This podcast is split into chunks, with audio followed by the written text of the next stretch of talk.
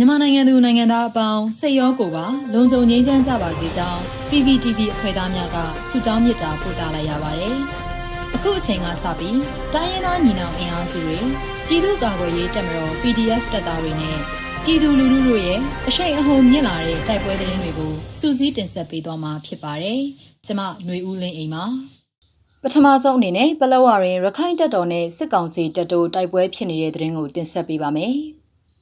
ချင်းပြည်နယ်ပလောဝမြို့နယ်အပေါင်သားကျေးရွာအနီးမှာရခိုင်တပ်တော်နဲ့စစ်ကောင်စီတပ်တို့ကြားယနေ့နနက်10:00နာရီကျော်ခန့်မှစတင်ကတိုက်ပွဲဖြစ်ပွားနေကြောင်းဒေသခံများကပြောပါရယ်။စစ်ကောင်စီတပ်ရင်း289ကလည်းလက်နက်ကြီးများနဲ့ပစ်ခတ်နေကြောင်းဒေသခံများကဆိုပါရယ်။တိုက်ပွဲဖြစ်ပွားတဲ့ပလောဝမြို့နယ်အပေါင်းသားကျေးရွာအနီးမှာရခိုင်တပ်တော်တပ်စခန်းများအခြေစိုက်၍ရှိနေတယ်လို့စစ်ကောင်စီတပ်များလည်းအခြေစိုက်၍ရှိကြောင်းဒေသခံများအဆိုအရသိရပါဗျ။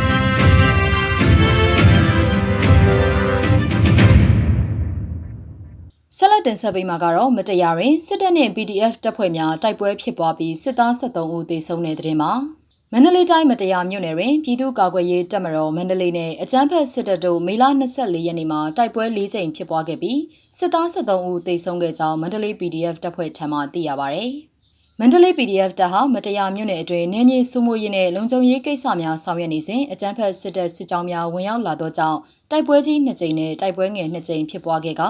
စစ်သား73ဦးသေဆုံးခဲ့ပြီးမန္တလေး PDF တပ်ဖွဲ့မှထိခိုက်ဒဏ်ရာရရှိသူမရှိဘဲစုခွာနိုင်ခဲ့ကြောင်းမန္တလေး PDF တပ်ဖွဲ့မှသတင်းထုတ်ပြန်ထားပါတယ်။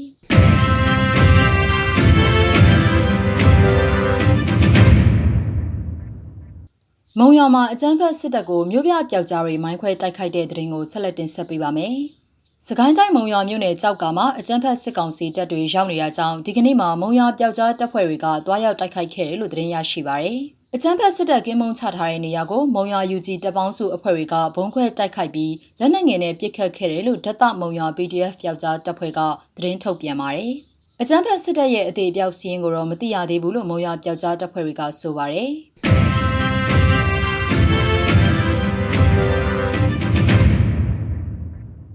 ဆက်လက်ပြီးချောင်းဦးမြို့နယ်မှာစစ်ကောင်စီရင်နှန်းတွေနှစ်ကြိမ်ပဒေသာမိုင်းနဲ့ဖောက်ခွဲတိုက်ခိုက်ခံရပြီးစစ်သားထိခိုက်မှုများနိုင်တဲ့တဲ့ရင်ကိုတင်ဆက်ပေးပါမယ်။စကိုင်းတိုင်းချောင်းဦးမြို့နယ်မှာအကြမ်းဖက်စစ်ကောင်စီရင်နှန်းတွေကိုဒေသကာကွယ်ရေးပူးပေါင်းတပ်ဖွဲ့တွေကယနေ့မေလ26ရက်နေ့မှာပဒေသာမိုင်းတွေနဲ့နှစ်ကြိမ်ဖောက်ခွဲတိုက်ခိုက်ရာစစ်သား40ကျော်ထိခိုက်ဒေဆုံးနိုင်ကြောင်းသတင်းရရှိပါရယ်။ ချောင်းဦးမြို့နယ်အရှိဘက်တန်လန်းအကျော်မှာမြင်းမှုဘက်ကိုထွက်ခွာနေတဲ့အကြမ်းဖက်စစ်ကောင်စီတပ်ဖွဲ့ဝင်တွေလိုက်ပါလာတဲ့ကားကြီး၃စီးကိုဒေသကာကွယ်ရေးတပ်ဖွဲ့တွေကယနေ့နနက်9နာရီခန့်မှာပဒေသာမိုင်း၁၁လုံးနဲ့ဖောက်ခွဲတိုက်ခိုက်ခြင်းကြောင့်ကားတစ်စီးထိမှန်သွားပြီးစစ်သား15ဦးခန့်ထိခိုက်နိုင်ကြောင်း Farmers Revolution Force FRF ချောင်းဦးကသတင်းထုတ်ပြန်ပါတယ်။အလားတူနနက်၈နာရီခန့်မှာချောင်းဦးမြင့်မှုကားလမ်းမှာစစ်ကောင်စီတပ်ဖွဲ့တွေစီးနင်းလာတဲ့တံပြားကာကားကြီးနှစ်စီးကို Farmers Revolution Force FRF ချောင်းဦးနဲ့မဟာမိတ်တပ်ဖွဲ့တွေကထပ်မံမိုင်းခွဲတိုက်ခိုက်ရာကားနှစ်စီးမှာရပ်တန့်သွားပြီးစစ်သား29ဦးခန့်ထိခိုက်နိုင်ကြောင်းသတင်းရရှိပါရယ်။တိုက်ခိုက်ခံရပြီးတဲ့နောက်စစ်ကောင်စီတပ်ဖွဲ့ဝင်များရောက်ရှိလာပြီးအနီးဝန်းကျင်ကျေးရွာတွေကိုပါရန်တမ်းပစ်ခတ်ကြောင်းဒေသခံများကဆိုပါရယ်။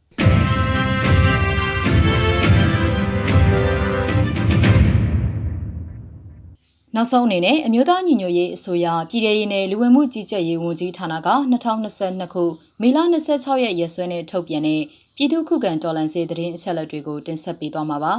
။အာနာသိန်းအကြမ်းဖက်စစ်အုပ်စုရဲ့ပြည်သူလူထုအပေါ်အကြမ်းဖက်ဖိနှိပ်ဖန်ဆီးတိုက်ခိုက်တပ်ဖြတ်နေမှုတွေကိုပြည်သူလူထုတရက်လုံးကအသက်ရှင်တန်ရေးအတွက်မိမိကိုယ်ကိုမိမိခုခံကာကွယ်ပိုင်ခွင့်အရာပြည်သူခုခံစစ် People's Defensive War ကိုဆင်နွှဲလျက်ရှိပါတယ်။ တည်င်းအချက်လက်များအရ25ရက်5လ2022ရက်နေ့မှာစစ်ကောင်စီတပ်ဖွဲ့ဝင်86ဦးသေဆုံးပြီးထိခိုက်ဒဏ်ရာရရှိသူ15ဦးအထိခုခံတိုက်ခိုက်နိုင်ခဲ့ပါတယ်။စစ်အာဏာရှင်စနစ်မြန်မာပြည်ပေါ်မှာအပြီးတိုင်ချုပ်ငြိမ်းရေးနဲ့ Federal Democracy တည်ဆောက်ရေးအတွက်ငြင်းချမ်းစွာဆန္ဒပြတဲ့လူလူတပိတ်တိုက်ပွဲများကပြည်내နဲ့တိုင်းဒေသကြီးများမှာဖြစ်ပွားပေါ်ပေါက်လျက်ရှိပါတယ်။မြေပြင်မှာယခုတွေ့ရတဲ့သတင်းအချက်အလက်များထက်ပို၍ဖြစ်ပွားနိုင်ပါတယ်ရှင်။